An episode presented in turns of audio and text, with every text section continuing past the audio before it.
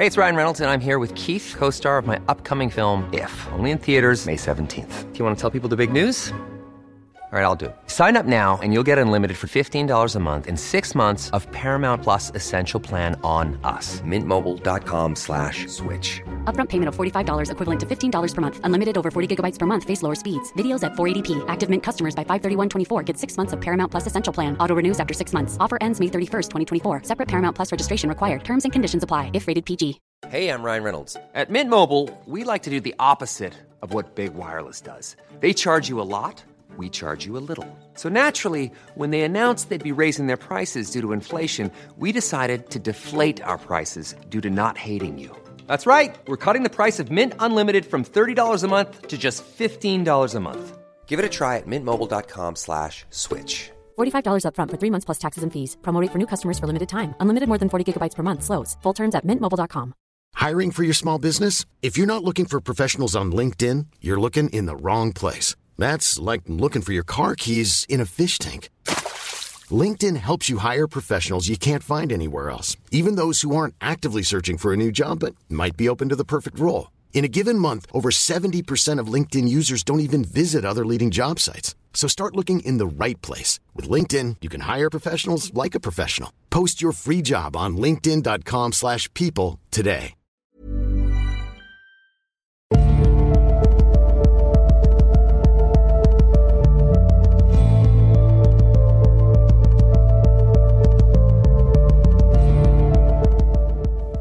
Hei og velkommen til uh, Tåkeprat.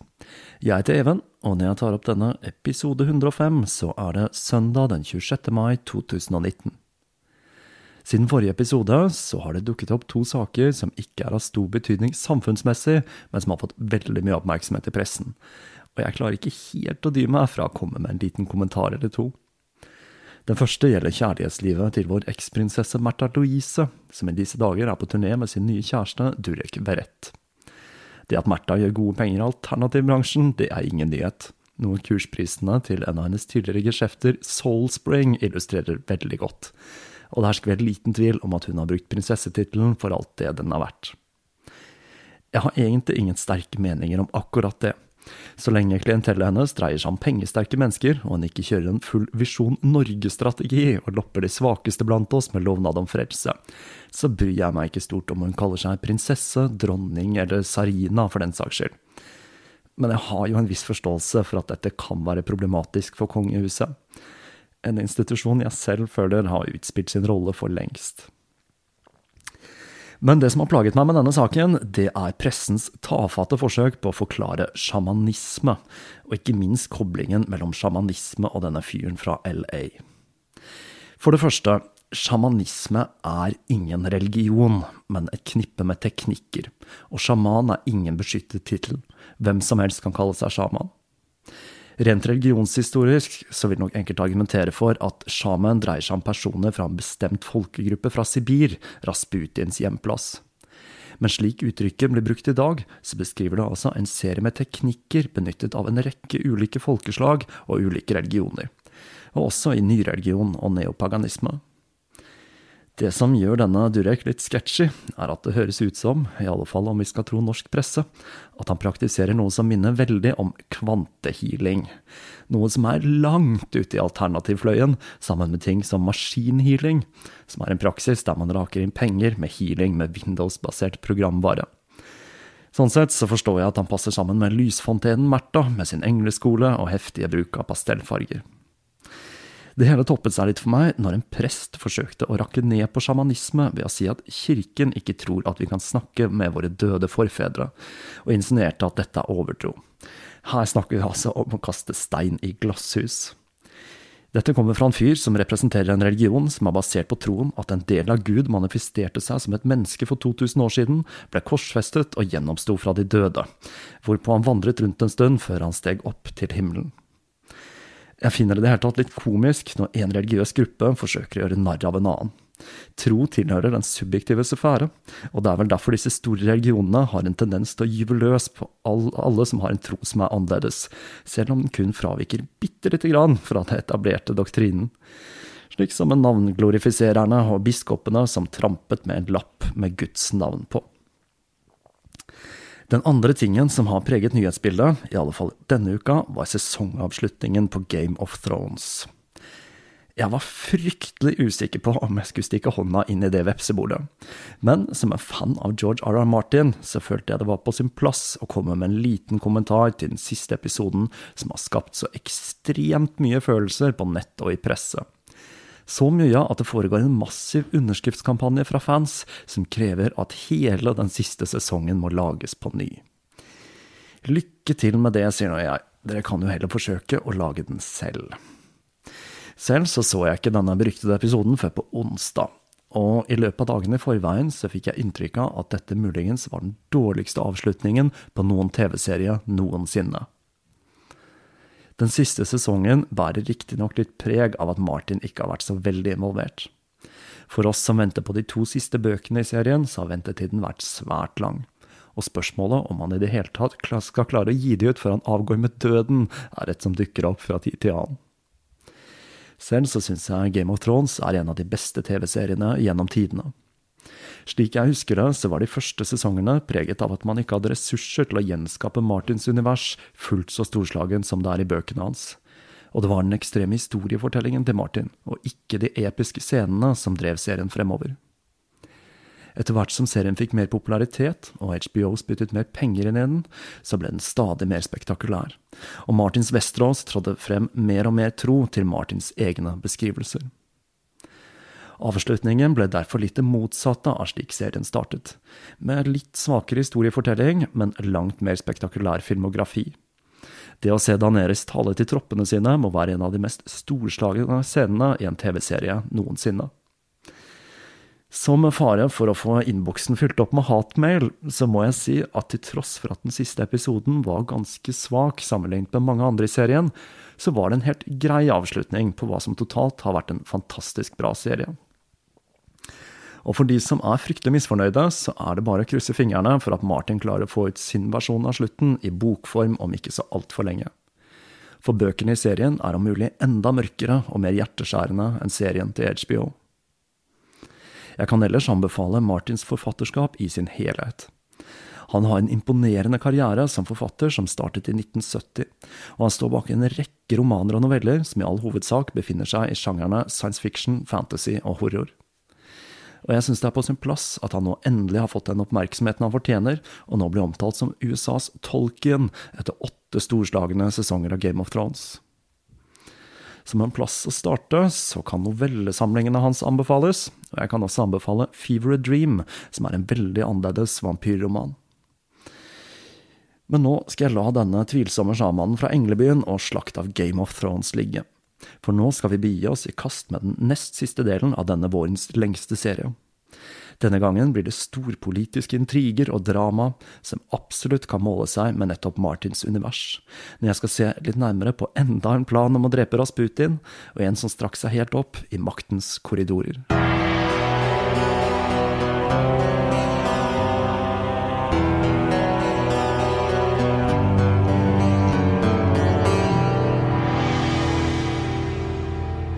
I 1915 skulle Rasputin utføre enda et angivelig mirakel. Denne gangen var Aleksej med sin far for å inspisere troppene den 3. desember. Aleksej var dårlig med en kraftig forkjølelse, og han begynte etter hvert å blø fra nesen. Legen som undersøkte han sa at tilstanden var svært alvorlig, og han ble fraktet til Stavka, og Aleksandra ble tilkalt. Dagen etter ble tilstanden verre, med høy feber, og legen anbefalte at nesen skulle brennes for å stoppe blødningene. Dette er en fin prosess som kalles kauterisering, og som historisk har blitt brukt til å stanse blødninger etter f.eks. amputasjoner. Dette er nok det vi ser på de klassiske cowboyfilmene, hvor helten brenner såret etter å ha fjernet en kule og drukket en hel haug med whisky. Men som jeg kan lese meg til, så er ikke dette anbefalt i de aller fleste tilfeller pga. økt risiko for infeksjon men akkurat ved gjentatte neseblødninger så er dette en teknikk som fremdeles blir brukt. Hva skal man med lommelegen når man har tåkeprat? Alexandra var ikke like bekymret som sin mann. Hun hadde nemlig tatt kontakt med Rasputin, som kunne forsikre henne om at det ikke var noen grunn til bekymring. Men til tross for Alexandras optimisme, så var tilstanden til Aleksej svært alvorlig. Han besvimte flere ganger under togturen tilbake, og toget måtte stoppe flere ganger så legen kunne bytte mandasjer på nesen hans. Nikolai telegraferte Alexandra og instruerte henne om å gi beskjed om at ingen måtte møte de på togstasjonen, så ingen skulle se hvilken nedsatt tilstand arvingen var i. Når toget ankom stasjonen den femte, kunne Nikolai fortelle tsarinaen at Aleksej hadde blitt bedre, og når Alexandra fikk vite at dette hadde skjedd nøyaktig 06.20 den morgenen, så fortalte hun at dette var nøyaktig det tidspunktet hun hadde mottatt et telegram fra Rasputin der han skrev Gud vil hjelpe, han vil klare seg. Men når de skulle flytte gutten, så begynte blødningen igjen, og tilstanden ble forverret. Ifølge memoarene til Anna Vyrjebova så kom Rasputin den samme dagen og gjorde korsets tegn over Aleksej, hvorpå blødningene stoppet og gutten ble frisk. Men her husket nok Vyrjebova litt feil, for Rasputin kom ikke før neste dag, og det ser ut til at det var den andre kauteriseringen av nesa til Aleksej som hadde gjort susen. Men uansett så var det Rasputin og ikke legen som fikk æren for denne mirakuløse helbredelsen. I alle fall av Alexandra. Og så er det en ting jeg må skyte inn når det gjelder Nikolai og Alexandra. For det kan hende at det er en X-faktor som gjør at de oppførte seg litt spesielt i denne perioden. Fordi Nikolai han fikk foreskrevet kokain, og han gikk da på kokain under hele krigen. Og Alexandra hun gikk på en cocktail av kokain, barbiturater og opium. Og hvilken rolle denne rusbruken spilte i fallet til Romanov-dynastiet, det er et uutforsket kapittel i historien. I Rasputins siste leveår så var han på alles lepper, uansett hvor ekkelt det høres ut. Alle samtaler, enten de fant sted på bygda eller i aristokratiet, førte til slutt til en diskusjon om Rasputin og hans rolle i Russland. Og ryktene ble stadig mer fantasifulle. En fransk diplomat skrev en rapport om alle ryktene om Rasputin i 1916, og konkluderte med det profetiske La revolution est dans l'air. Det er revolusjon i luften. Okrana, som var hva vi må kunne kalle Russlands hemmelige politi, oppdaget at flere aviser hadde begynt å trykke og distribuere en pamflett med et dikt som fikk de til å reagere sterkt. Og dette diktet er så illustrerende at jeg har valgt å ta det med i sin helhet. Det går sånn. En sjømann forteller en soldat. Bror, uansett hva du sier, Russland blir i dag styrt av en kuk. Kuken utnevner ministre, Kuken bestemmer politikken, den utnevner erkebiskopene og gir medaljer og posisjoner. Kuken styrer troppene, den styrer skipene. Den har solgt moderlandet til jødene. Kuken har hevet prisene. Så kuken er stor og mektig, og den har mangt et talent. Dette er åpenbart ingen ordinær kuk, de sier den er 35 cm lang, og kuken har vært opptatt. Bondekonene har gledet seg med kuken, likeså de i byen. Når handelsmennenes koner forsøkte den, så fortalte de det til adelskvinnene. Slik fikk den hellige mannens kuk så mye makt. Den skulle ha blitt utnevnt til feltmarskalk. Snart kom den til tsarens palass, hvor den knullet alle damene ved hoffet. Og tsarens jomfru har en datter også, men den knullet tsaritsaen mest av alt. Og der har dere den, altså. En grei oppsummering av historien om Rasputin slik den ble fortalt på folkemunne i 1916. Han dukket også opp i karikaturer i utlandet, som i en tysk karikatur som portretterte keiser Wilhelm som måler en granat, ved siden av Nikolai som måler penisen til Rasputin. Denne karikaturen ble sluppet som flygeblader langs den russiske fronten, og den ble tatt godt imot og var med på å spre ryktene ytterligere på russisk side. Her syns jeg altså det passer seg med en kommentar fra en soldat, Larkin, for det var faktisk en viss forståelse for at damene satte pris på Rasputin blant menige soldater. Denne Larkin uttalte. De sier han er flink med damene, og tsarinaen, hun er også en kvinne, hun trenger det, men mannen hennes er ved fronten. Våre kvinner der hjemme, du vet de har hatt det moro med østerrikerne. Det er kanskje unødvendig å si at Alexandra ikke var så veldig fornøyd med disse ryktene, og hun forsøkte å stagge det ved å ikke kalle til seg Rasputin når Nikolai ikke var til stede. Og til tross for at folk flest trodde at Rasputin var i palasset hver eneste dag, så var han langt fra der så ofte som det folkesnakket skulle ha det til. Han var der kun åtte ganger de første tre månedene i 1916, og fra april til oktober kun seks ganger. Men her må det sies at Anna Vyrjebova fungerte som en budbringer mellom ham og Alexandra. Men det at han var sjelden på besøk i palasset, forhindret ikke hva Alexandra omtalte som sjofle rykter.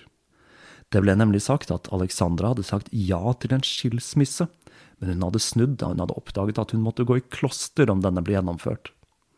Et annet rykte sa at hun og Rasputin planla å rydde Nikolai av veien, slik at hun ville bli regent med Rasputin ved sin side. Rasputin selv brukte tiden på helt andre ting enn politiske renkespill i denne perioden.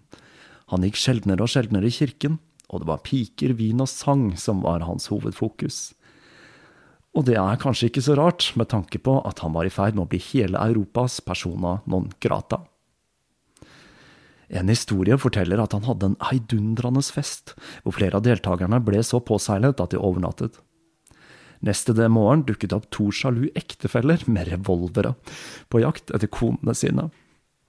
To av agentene som voktet Rasputin, klarte å distrahere dem, slik at damene fikk samlet seg og rømte ut bak veien. Rasputin ble litt satt ut av dette opptrinnet, og han lovet å holde seg unna fester med gifte damer i framtiden. Men dette var et løfte han ikke klarte å holde.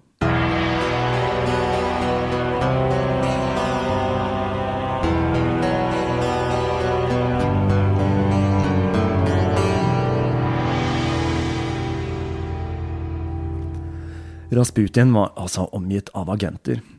Og for å plukke opp den tråden, så må vi se litt nærmere på Aleksej Kvostov, en mann Aleksandra hjalp til med å få innsatt som innenriksminister. Kvostov var en rik landeier og med i Det svarte hundre. Han blir beskrevet som ambisiøs og forfengelig, og hadde gjort seg bemerket i dumaen med sin ekstreme høyrevridning, patriotisme og antityske holdning. Han var svært stolt av sin egen intelligens, og omtalte gjerne de andre ministerne som idioter. Enda en sjarmerende type her, altså.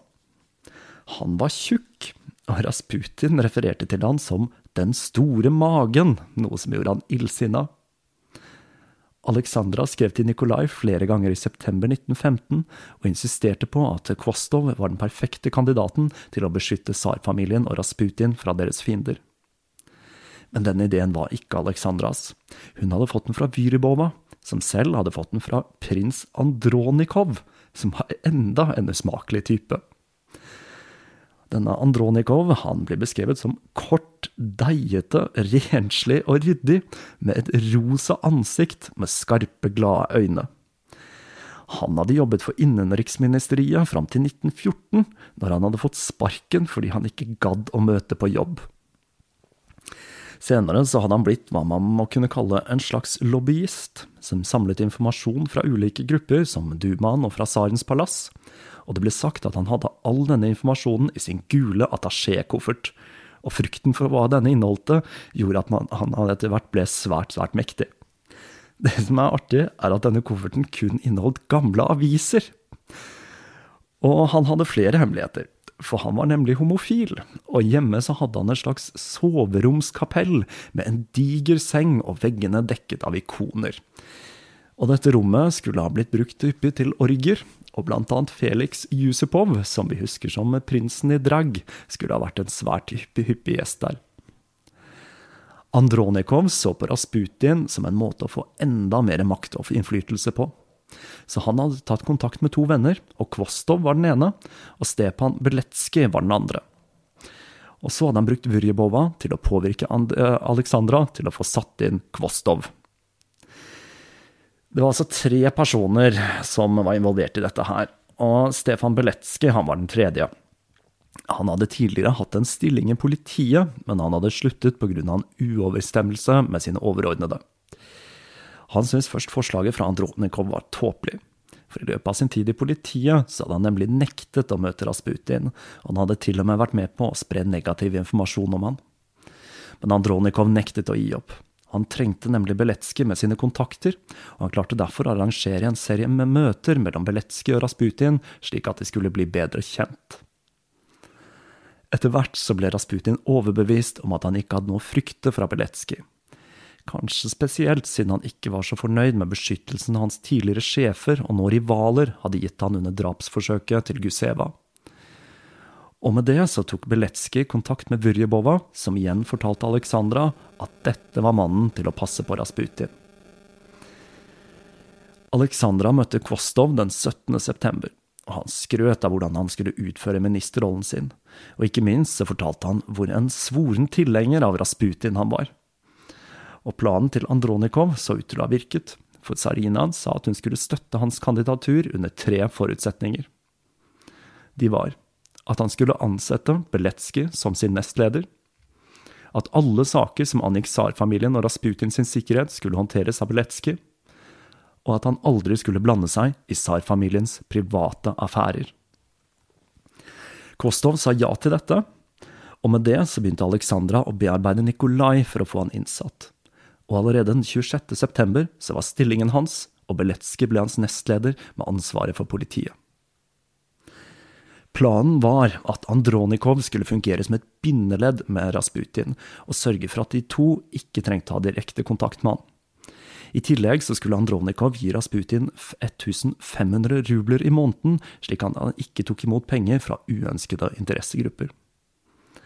Planen var også å introdusere en ny person i Rasputins indre sirkel, som skulle holde han i øra og ha positiv innflytelse på han. Uh, valget falt på Natalia Servinskaja, som var en eldre dame som de regnet med ikke ville falle for Rasputins sjarm. Rasputin han valgte å kalle denne damen Vobla, som er navnet på en type russisk saltet og tørket fisk. Så det var vel rett og slett tørrfisken som var navnet han ga henne da. Rasputin ble imponert over hvordan de tre insisterte på at de skulle beskytte han med alle de ressursene. Ryan Reynolds her fra Mint Mobile. Med prisen på nesten alt som går opp under inflasjonen, trodde vi at vi skulle bringe prisene prices down. So to help us, we brought in a reverse auctioneer, which is apparently a thing. Mint Mobile unlimited premium wireless. Ready to get 30, 30, bit to get 30, bit to get 20, 20, 20, bit to get 20, 20, bit to get 15, 15, 15, 15 just 15 bucks a month. So, Give it a try at mintmobile.com/switch. slash $45 upfront for three months plus taxes and fees. Promo rate for new customers for limited time. Unlimited more than 40 gigabytes per month. Slows. Full terms at mintmobile.com.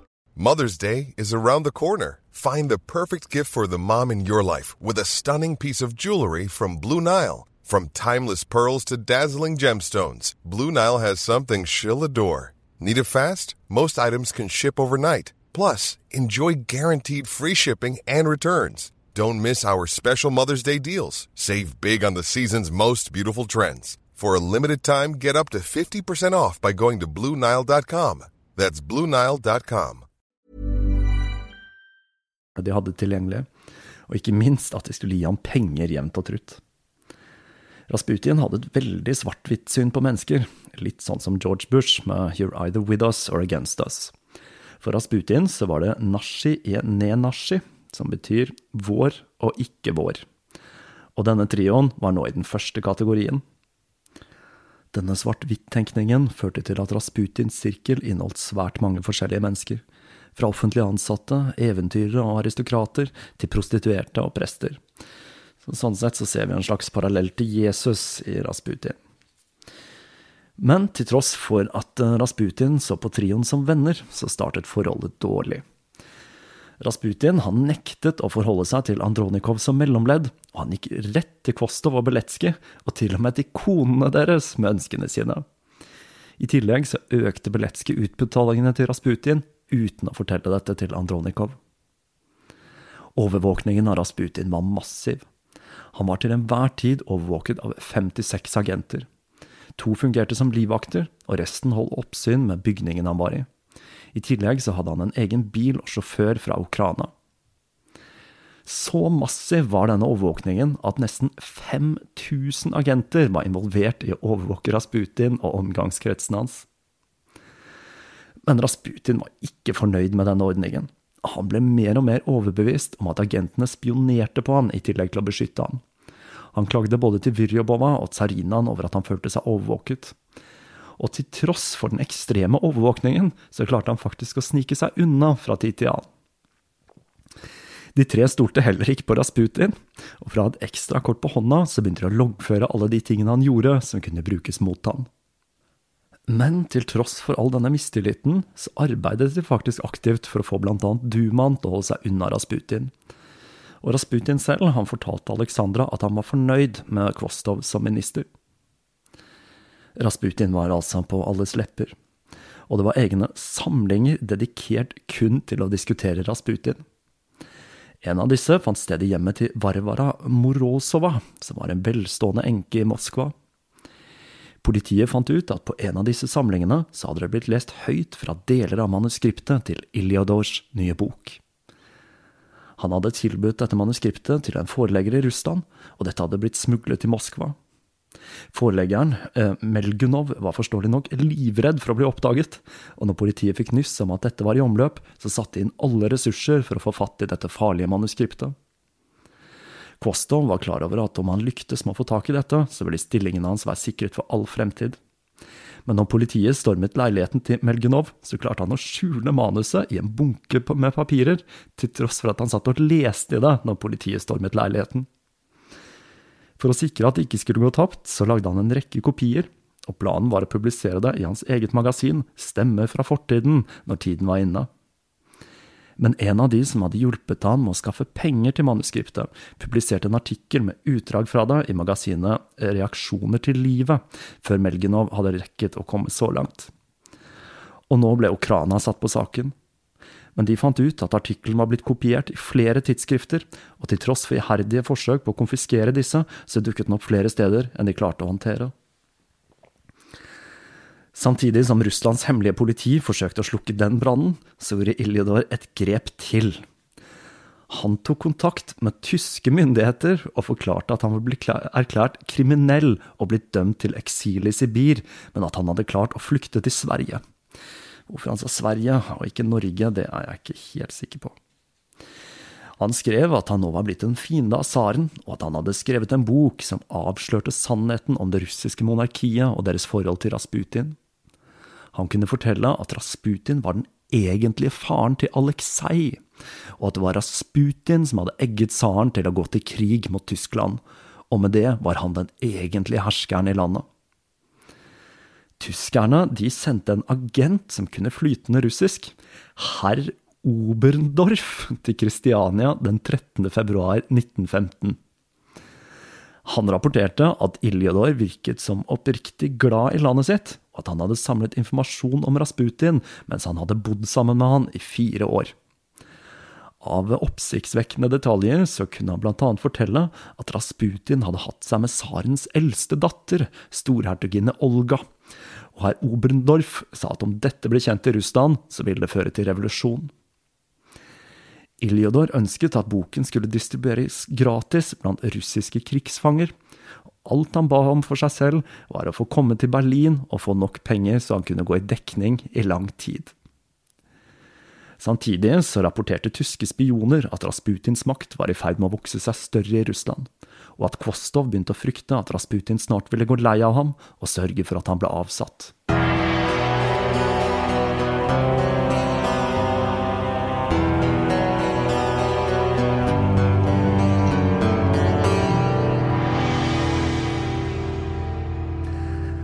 Og ting var virkelig i ferd med å dra seg til for Kvostov.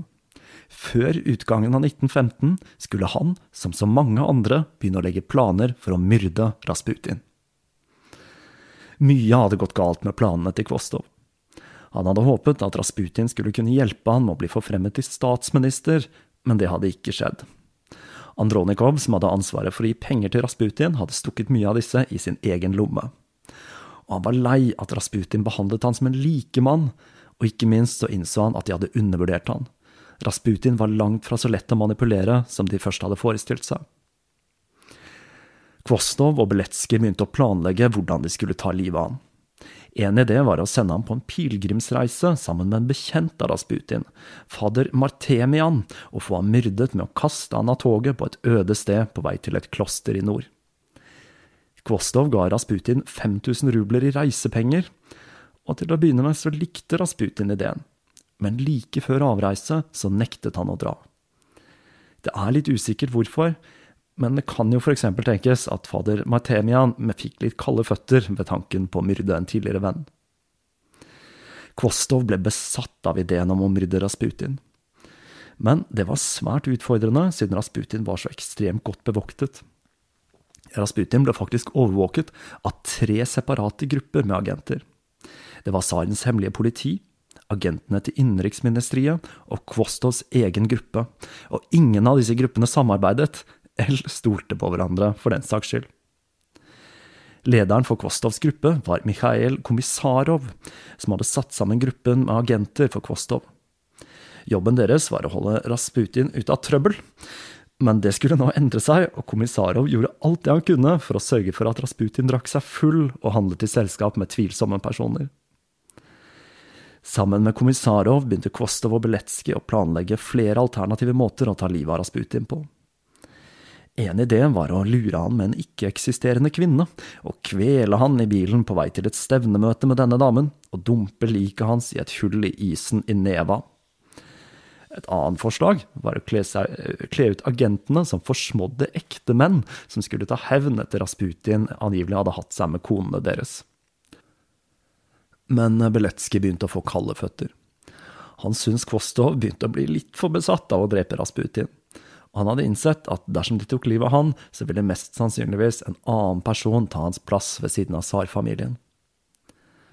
Kvostov merket at Beletskij begynte å nøle, og han begynte å planlegge på egen hånd sammen med Komisarov. Han tilbød han så mye som 200 000 rubler om han klarte å ta livet av Rasputin. Men Komisarov stolte ikke på Kvostov, og han fortalte dette til Beletskij, som igjen fortalte det til Rasputin. Men han levde tydeligvis livets glade dager, for han gjorde ingenting med det. Så kommissarov og Beletskij bestemte seg for å ta saken i egne hender og lokke Kvostov i en felle. De foreslo for Kvostov at de skulle forgifte Rasputin ved å sende han en kasse med forgiftet madeira. Kommissarov fortalte han han hadde fått tak i en fantastisk gift, og de injiserte flaskene med madeira med denne giften, som selvsagt var virkningsløs, og sendte denne kassa med madeira til Rasputin. Tiden gikk, og ingenting skjedde, så Kvostov begynte å mistenke at han var blitt lurt og nå bestemte han seg for å ta kontakt med en han visste virkelig hatet Rasputin. Og hvem fylte vel den rollen bedre enn Iliador? Utfordringen var jo at Iliador var i Kristiania, så han trengte en person han kunne sende dit for å planlegge drapet på Rasputin. Valget falt på Boris Resevskij, som var en mann som tidligere hadde forkledd seg og sneket seg inn i klosteret der Iliador satt fanget for å intervjue han. Han hadde kommet til St. Petersburg i desember, og Kvostov beordret Beletskij til å ansette han som en informant som kunne spionere på venstreradikale i byens journalistklubber. Beletskij ante ugler i mosen, og han fikk folkene sine til å spionere på Resevskij. Han jobbet nemlig for Røde Kors, men han strødde allikevel om seg med penger, dyre biler og bosteder. Og det viste seg raskt at han hadde svinn på skogen. Han brukte stillingen i Røde Kors til å drive med svindel og utpressing. Beletskij skaffet seg beviser for den lyssky virksomheten, og holdt disse i bakhånd i tilfelle han skulle ha behov for de senere. Kvostov fortalte Resevskij om planene om å ta livet av Rasputin, og han takket ja til å ta på seg oppgaven til å snakke med Iljodor for 5000 rubler. Og sammen med kona sin Naida så dro han til Kristiania, hvor de sjekket inn på Hotell Skandinavia den 12. januar.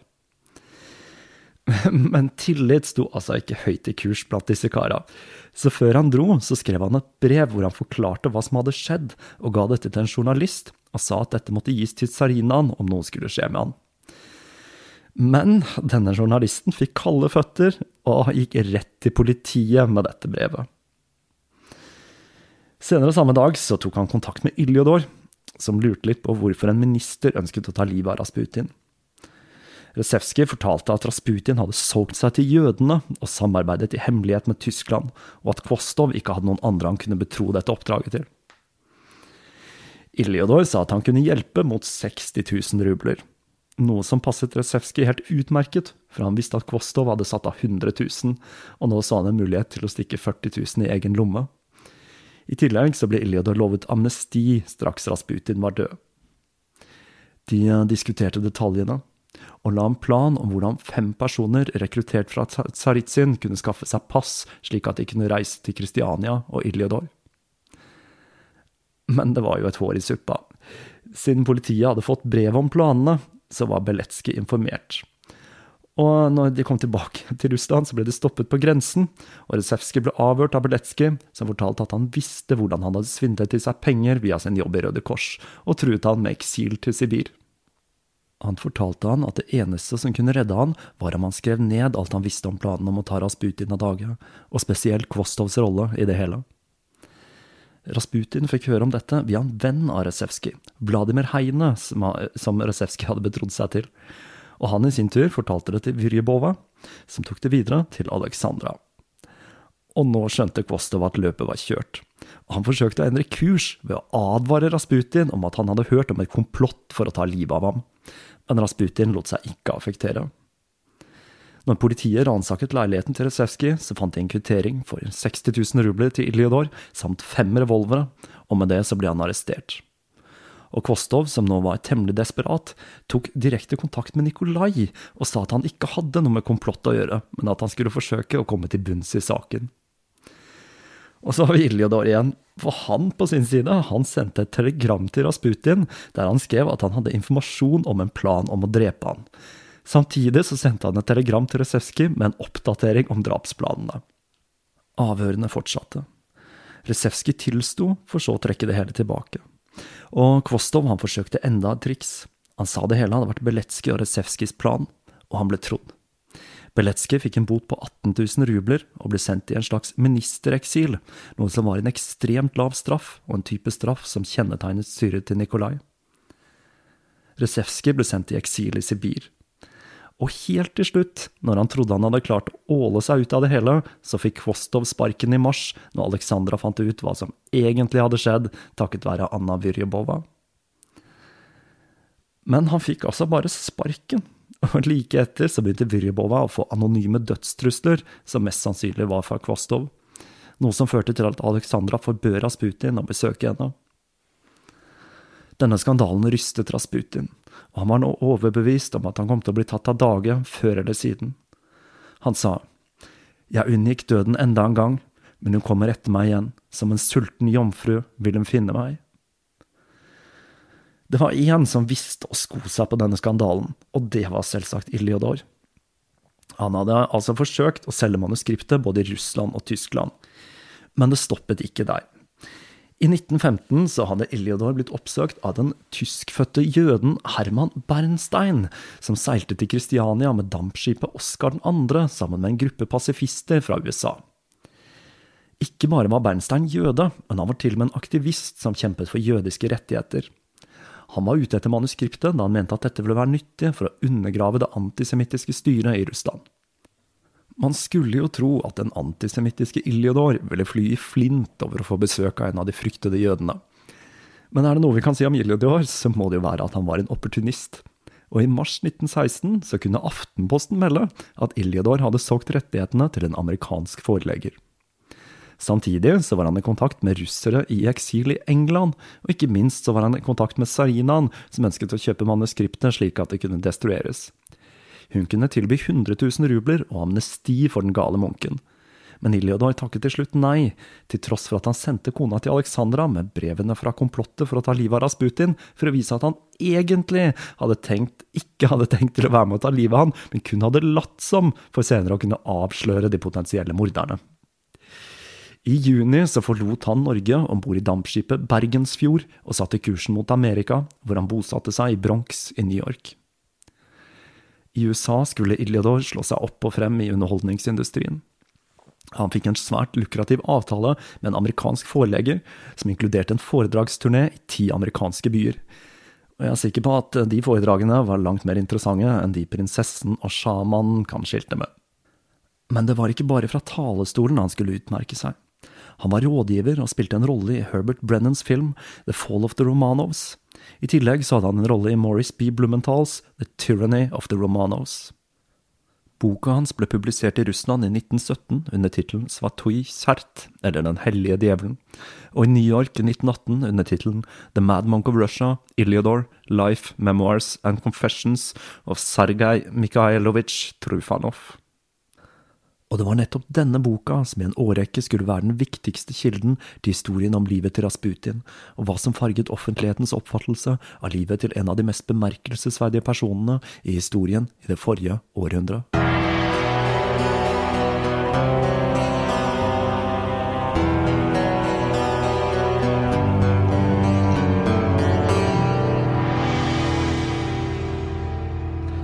Og det var slutten på den nest siste delen i denne serien. Jeg håper jeg har klart å formidle det kaoset og den galskapen som var kjernen i den russiske politikken i 1915 og 16 i denne episoden, for nå er det virkelig like før det smeller. Den utrolige planen om å drepe Rasputin, der ingen stolte på hverandre og alle hadde egne motiver, fremstår som noe hentet fra fiksjonens verden og ikke fra historiebøkene. Og så er det jo litt artig at mye av handlingen foregår i nettopp Oslo. Jeg håper at jeg i løpet av disse første fem episodene har klart å tegne et bilde av hvem Rasputin var, og hvilken rolle han fikk i det russiske samfunnet. Som en syndebukk som ble beskyldt for å stå bak alt som var galt. Han ble beskyldt for å være marionett for jøder og frimurere. Han ble beskyldt for å være alliert med Tyskland. Han ble beskyldt for å ligge med hele den russiske kvinnelige befolkningen, og ikke minst tsarinaen og hennes døtre. Han ble sagt å dra i alle de politiske trådene og ha kontroll over russisk innen- og utenrikspolitikk, og stå bak hvert eneste militære nederlag Russland hadde. Propagandaen fra utlandet, med slipp av flygeblader, samt den russiske presses jakt etter sensasjonelt stoff, var helt klart med på å drive fram fremstillingen av Rasputin. Det er flere aspekter av personligheten hans som utviklet seg, eksempel hans forhold til disse skumle jødene. Tidlig i karrieren så holdt han seg jo med ekstreme antisemitter som Iljodor, og vi husker jo hvordan han priset Rasputin for å holde stand mot jødepressen. Senere i karrieren, når han hadde skilt lag med disse gruppene, så sa Rasputin om jøder at vi er alle like i Guds øyne. Samtidig så ble han mer og mer som den karikerte Rasputin, med festing og skjørtejakt.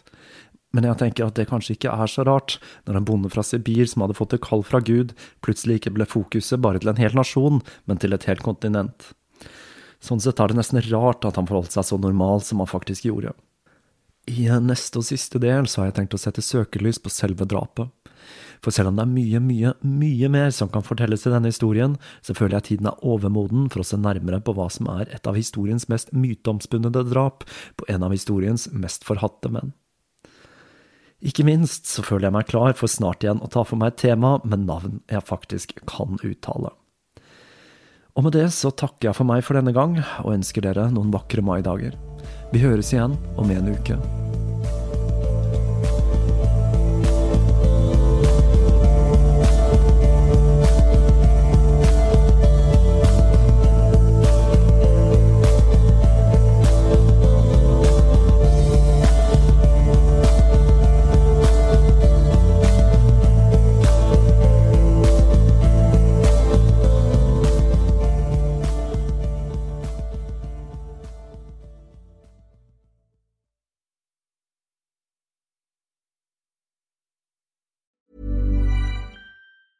Planning for your next trip? Elevate your travel style with Quince. Quince has all the jet setting essentials you'll want for your next getaway, like European linen, premium luggage options, buttery soft Italian leather bags, and so much more. And is all priced at 50 to 80% less than similar brands. Plus, Quince only works with factories that use safe and ethical manufacturing practices. Pack your bags with high-quality essentials you'll be wearing for vacations to come with Quince. Go to quince.com slash pack for free shipping and 365-day returns.